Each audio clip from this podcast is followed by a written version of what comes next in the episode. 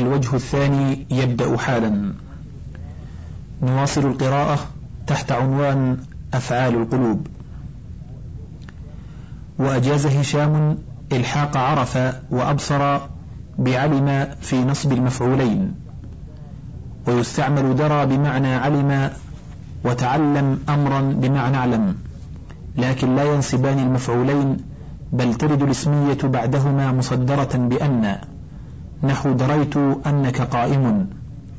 وتعلم أن بعد الغي رشدا وأن لتالك الغور انقشاعا ولا يتصرف في تعلم بمعنى أعلم فإذا قيل لك تعلم أن الأمر كذا فلا تقول تعلمت بل علمت. فإن كان درى بمعنى ختل وتعلم من تعلمت الشيء أي تكلفت علمه فليس من هذا الباب. فعلم ينصب الجزئين إذا لم يصدر بأن. وإما للظن في الظاهر مع احتماله في بعض المواضع لليقين وهو ظن لا بمعنى اتهم. قال تعالى في الظن بمعنى اليقين إني ظننت أني ملاق حسابية. وقد يجيء ظن بمعنى اتهم فينصب مفعولا واحدا.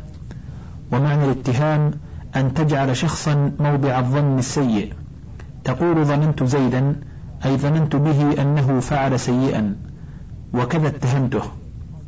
وإما للاعتقاد الجازم في شيء أنه على صفة معينة سواء كان مطابقا أو لا وهو رأى.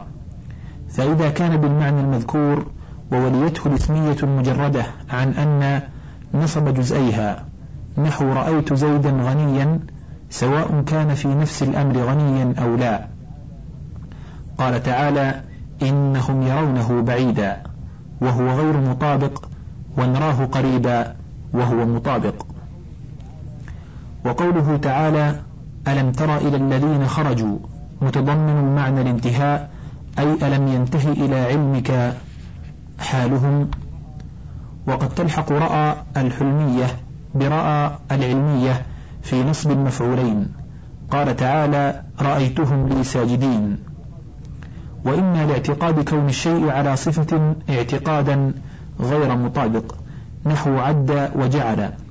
فإذا كان بالمعنى المذكور ووليتهم الإسمية المجردة نصب جزائيها نحو كنت أعده فقيرا فبان غنيا. وقال تعالى وجعلوا الملائكة الذين هم عباد الرحمن إناثا. أي اعتقدوا فيهم الأنوثة. وإما للقول بأن الشيء على صفة قولا غير مستند إلى وثوق. نحو زعمتك كريما. وقد يستعمل زعم في التحقيق. قال أمية نودي قم واركب بأهلك إن الله موف للناس ما زعموا.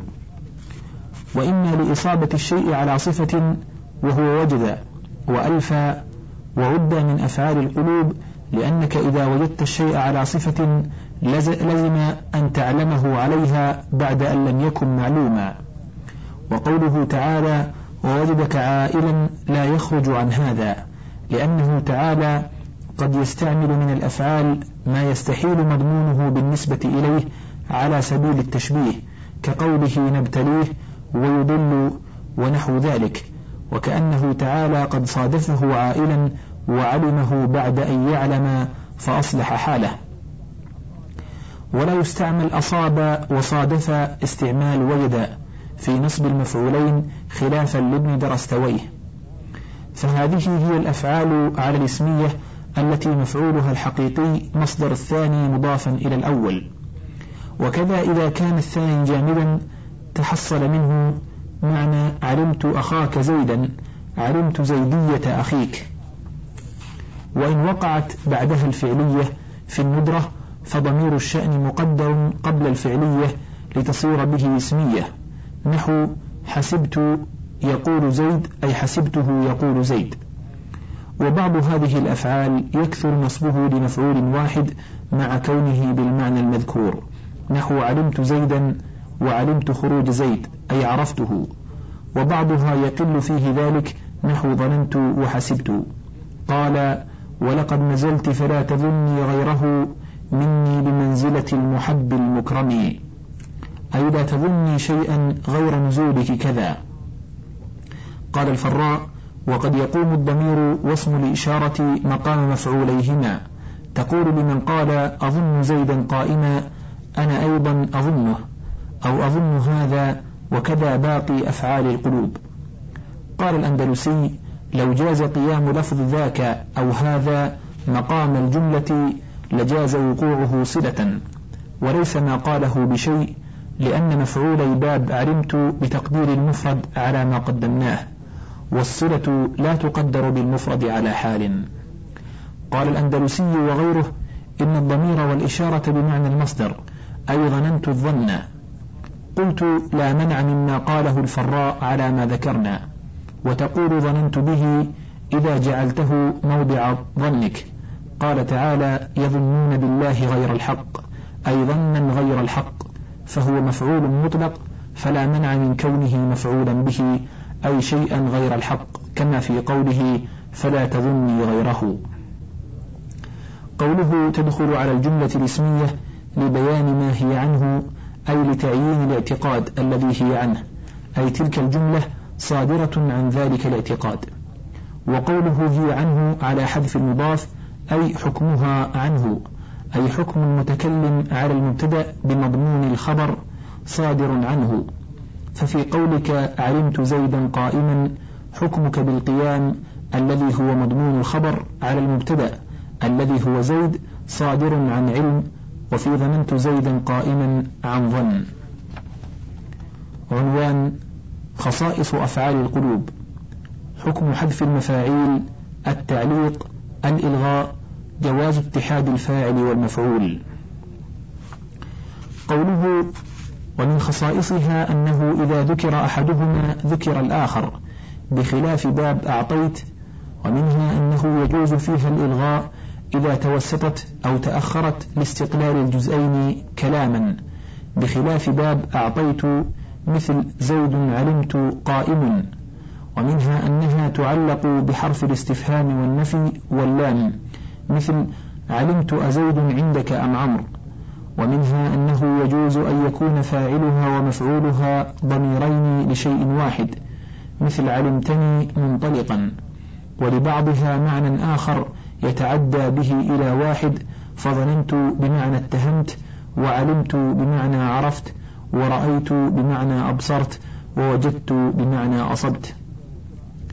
قوله إذا ذكر أحدهما ذكر الآخر بخلاف باب أعطيت. اعلم أن حذف المفعولين معا في باب أعطيت يجوز بلا قرينة دالة على تعينهما فتحذفهما نسيا منسيا. تقول فلان يعطي ويكسو إذ يستفاد من مثله فائدة من دون ذكر المفعولين بخلاف مفعولي باب علمت وظننت. فإنك لا تحذفها معا نسيا منسيا. فلا تقول علمت ولا ظننت لعدم الفائدة لأنه من المعلوم أن الإنسان لا يخلو في الأغلب من علم أو ظن فلا فائدة من ذكرهما من دون المفعولين.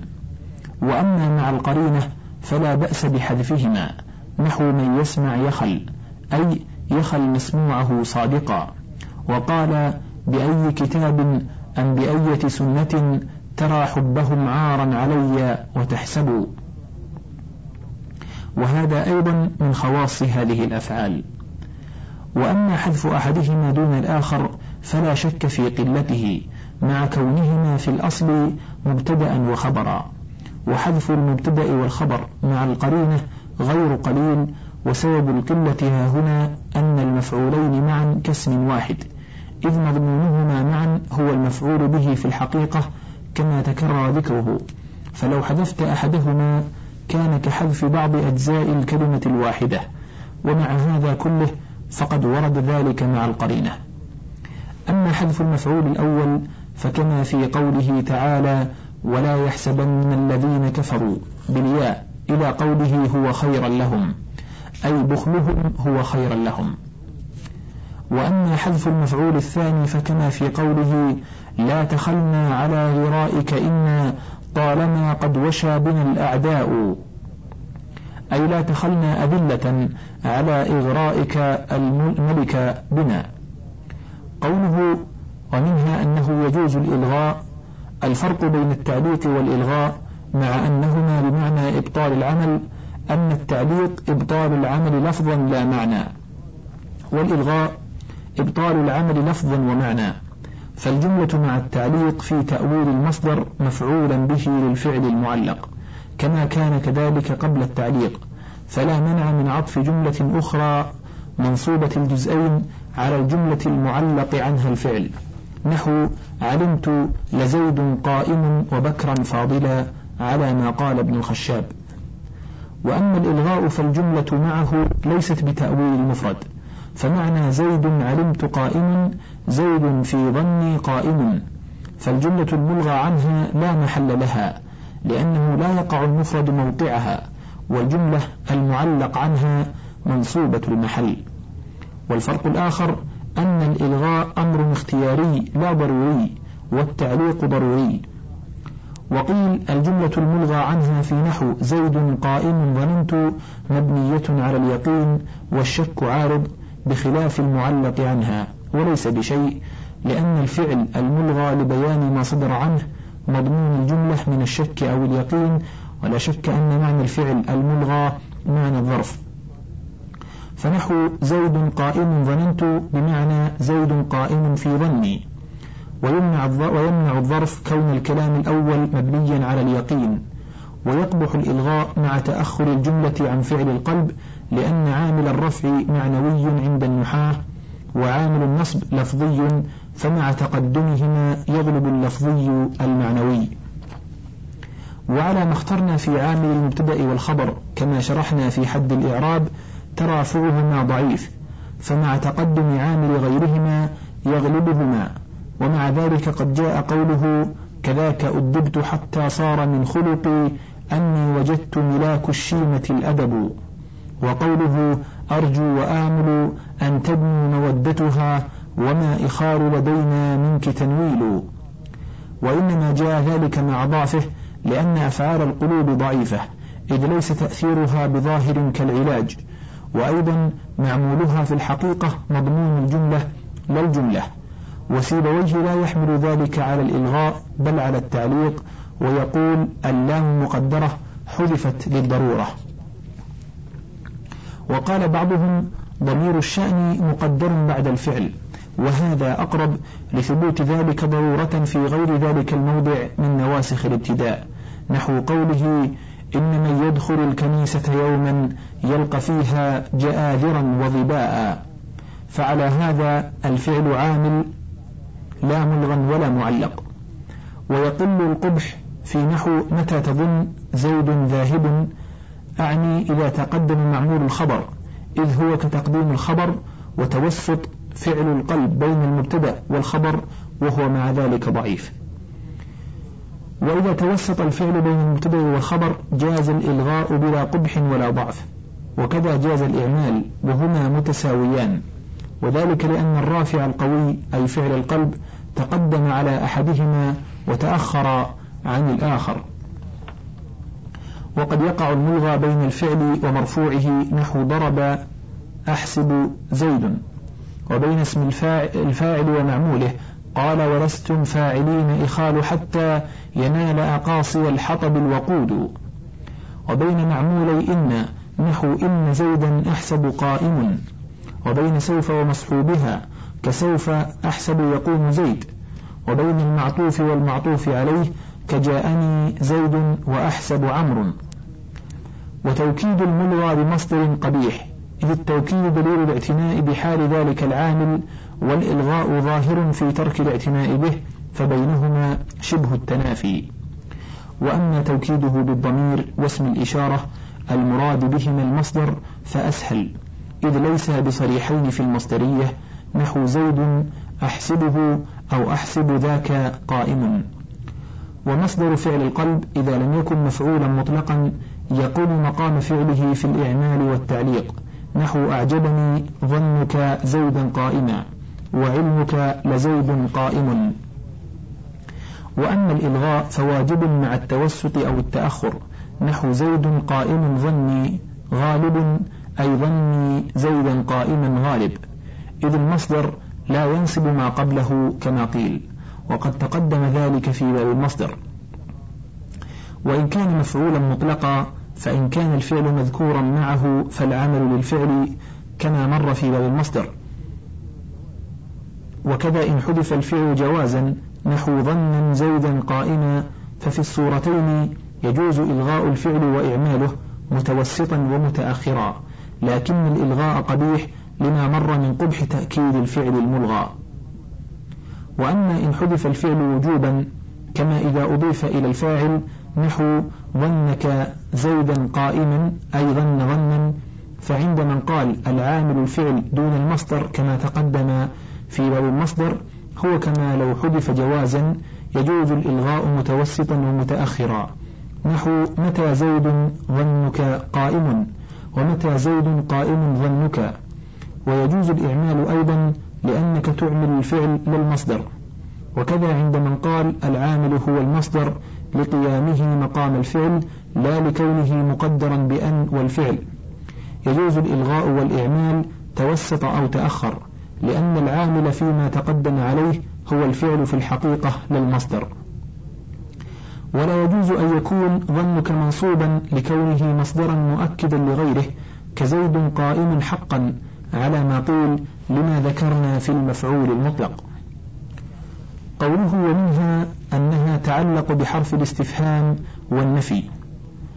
التعليق مأخوذ من قولهم امرأة معلقة أي مفقودة الزوج تكون كالشيء المعلق لا مع الزوج لفقدانه ولا بلا زوج. لتجويزها وجوده فلا تقدر على التزوج.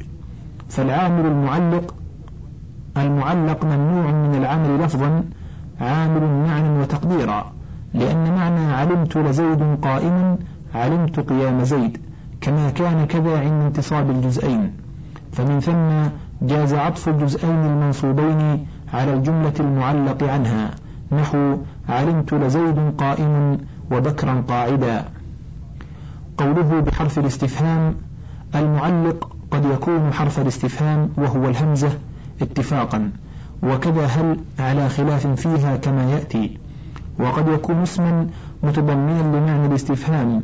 كقوله تعالى لنعلم أي الحزبين وعلمت أين جلست ومتى تخرج. وفي معناه الاسم المضاف إلى كلمة الاستفهام نحو علمت غلام من عندك. وقد يكون لام الابتداء نحو علمت لزيد عندك. وقد يكون حرف النفي وهو ما وإن ولا نحو علمت ما زيد قائما وإن زيد قائم ولا زيد في الدار ولا عمرو ولا رجل في الدار. أما الاستفهام ولام الابتداء وما وإن النافيتان فللزوم وقوعها في صدر الجمل وضعا. فأبقيت الجمل التي دخلتها على الصورة الجملية رعاية لأصل هذه الحروف وإن كانت في تقدير المفرد.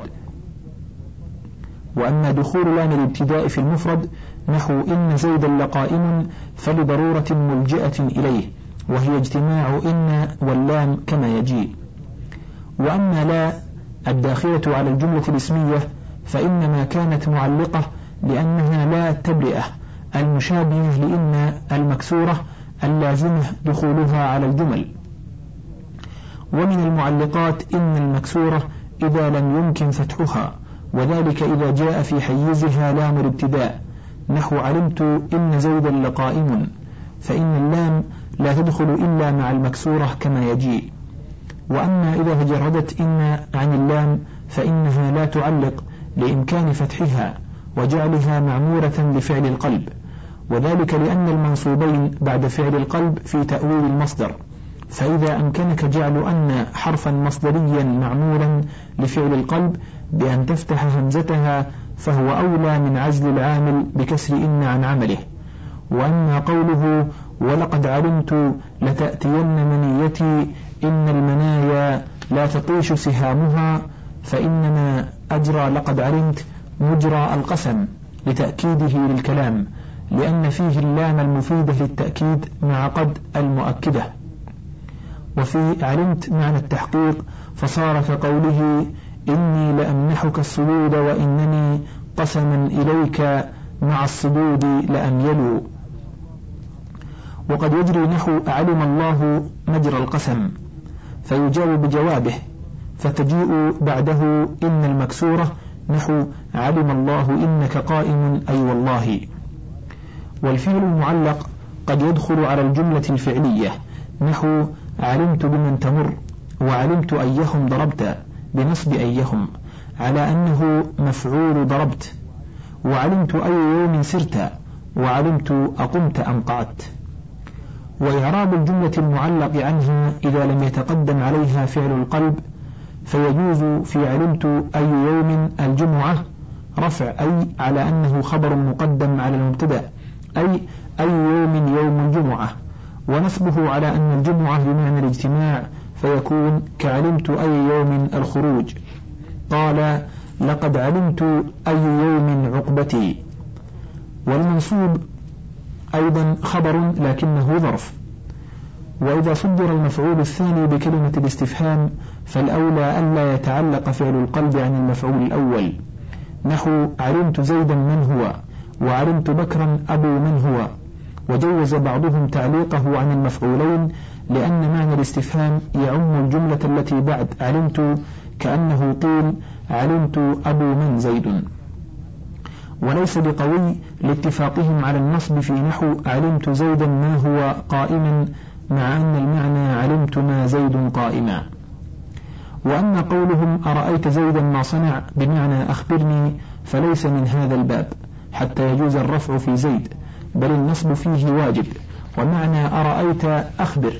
وهو منقول من رأيت بمعنى أبصرت أو عرفت كأنه قيل أأبصرته وشاهدت حاله العجيبة أو أعرفتها أخبرني عنها فلا يستعمل إلا في الاستخبار عن حالة عجيبة لشيء.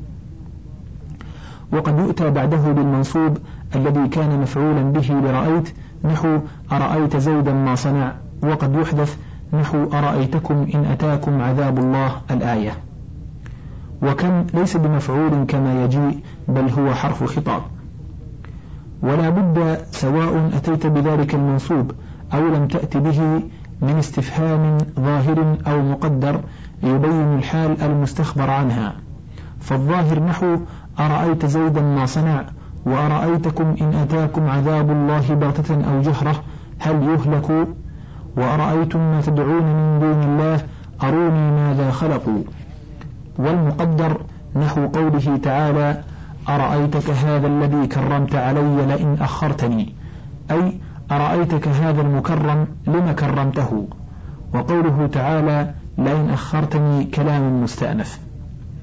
وقد تكون الجملة المتضمنة للاستفهام جوابا للشرط كقوله تعالى أرأيتكم إن أتاكم الآية؟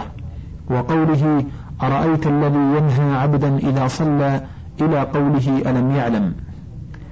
قوله أرأيت إن كان كرر أرأيت للتوكيد ولا محل للجملة المتضمنة لمعنى الاستفهام لأنها مستأنفة لبيان الحال المستخبر عنها.